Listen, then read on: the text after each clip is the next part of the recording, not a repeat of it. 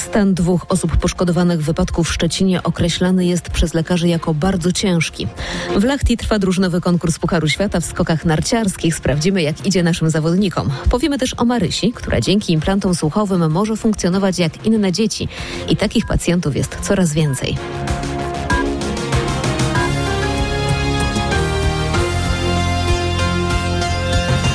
Stan dwóch kobiet rannych w wypadku w Szczecinie lekarze określają jako bardzo ciężki. Po tym jak rozpędzony kierowca wjechał w grupę osób na placu Rodła, do szpitali trafiło 20 poszkodowanych, w tym sześcioro dzieci.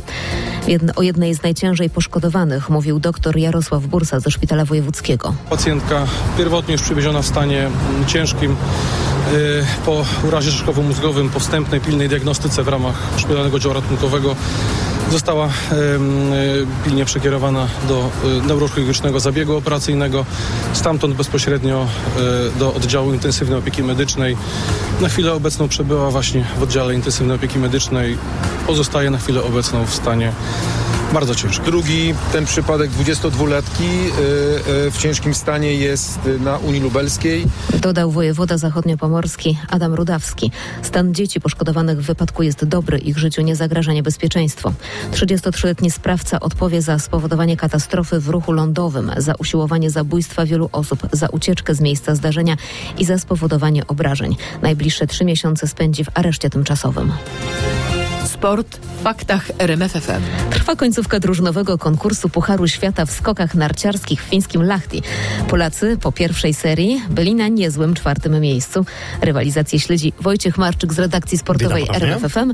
Jak w drugiej serii radzą sobie biało-czerwoni? Nadal czwarte miejsce biało-czerwonych po trzech skokach w tej drugiej serii, po trzech grupach skoczków. Tak by trzeba to dokładnie mm, powiedzieć. Skakanie znowu zaczął Piotr Żyła, 121 metrów. Polacy wtedy byli na czwartym miejscu. Znów słabsza próba e, Macieja Kota. Po niej Polacy spadli na szóste miejsce, ale potem e, do walki stanął e, Kamil Stoch, 124 metry. No i tak powiedziałem, e, Polacy na czwartej pozycji. Pewnie prowadzą Norwegowie, którzy już mogą właściwie spokojnie patrzeć na to, żeby dzisiaj wygrać ten konkurs. Biało-czerwonym też grozi niewiele, bo 16 punktów przewagi mamy nad piątą Japonią, no ale do Niemców strata ogromna, bo do prowadzących Norwegów tracimy 100 punktów, więc to pokazuje, jak Norwegowie dzisiaj świetnie skaczą, a przed nami ostatnia grupa zawodników, a w niej zobaczymy Aleksandra Zniszczała. Marysia ma 6 lat, chodzi do zwyczajnego przedszkola, jest samodzielna, uwielbia malować i zaczyna naukę gry na instrumencie. To niezwykłe, co robi, bo urodziła się głucha. Teraz słyszy, bo lekarze z Instytutu Centrum Zdrowia Matki Polki w Łodzi wszczepili jej implanty ślimakowe. Co robisz tak na co dzień? Ehm, do przedszkola. A co lubisz robić w czasie wolnym? Lubię rysować. Jak to jest z tymi aparacikami Marysi? Co one jej dają? Bez nich całkowicie Marysia nie słyszy. Ale dają jej niezależność, możliwość rozwoju w swoich pasji, nauki?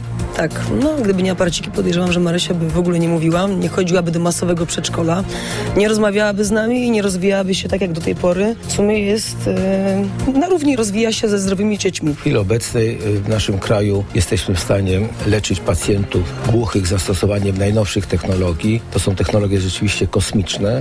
Opowiadali naszej reporterce Agnieszce Wyderce Marysia, jej mama Kamila oraz profesor Wiesław Konopka, kierownik Kliniki Otolaryngologii Instytutu Centrum Zdrowia Matki Polki w Łodzi. Jutro przypada Światowy Dzień Słuchu. Mieszkańcy Warszawy, którzy pierwszy weekend marca spędzają na spacerach w parku, mówią, że wiosna jest już w powietrzu, choć liczyli na wyższą temperaturę. O Łazienkach Królewskich rozmawiał z nimi nasz reporter Michał Dobrołowicz. Panie już czują wiosnę dzisiaj na spacerze? No, oczywiście, że czujemy. Koleżanka specjalnie nałożyła okulary, żeby bardziej dostrzec. Okulary przeciwsłoneczne? No, oczywiście, że tak. To gdzie ta wiosna jest, bo to pierwszy weekend marca? Wszędzie. W sercu mamy, my od rana czujemy wiosnę. Panie mają ciepła kurtka. Pan jak wiosennie, no pan to już w ogóle. O pana wiosna. To prawda, ja już zrzuciłem kurtkę zdecydowanie i tego się trzymam na razie. A opony już zmienione? Opony ja zmieniam w maju. Jutro w południowej Polsce termometry mogą pokazać 16 stopni Celsjusza. Po weekendzie do Polski nadejdzie lekkie ochłodzenie. A za godzinę w faktach wyczyny bardziej zimowe. 110 metrów pod lodem na jednym wdechu i bez skafandra. Dokonał tego Polak Stanisław Odbieżałek. Radio, muzyka, fakty.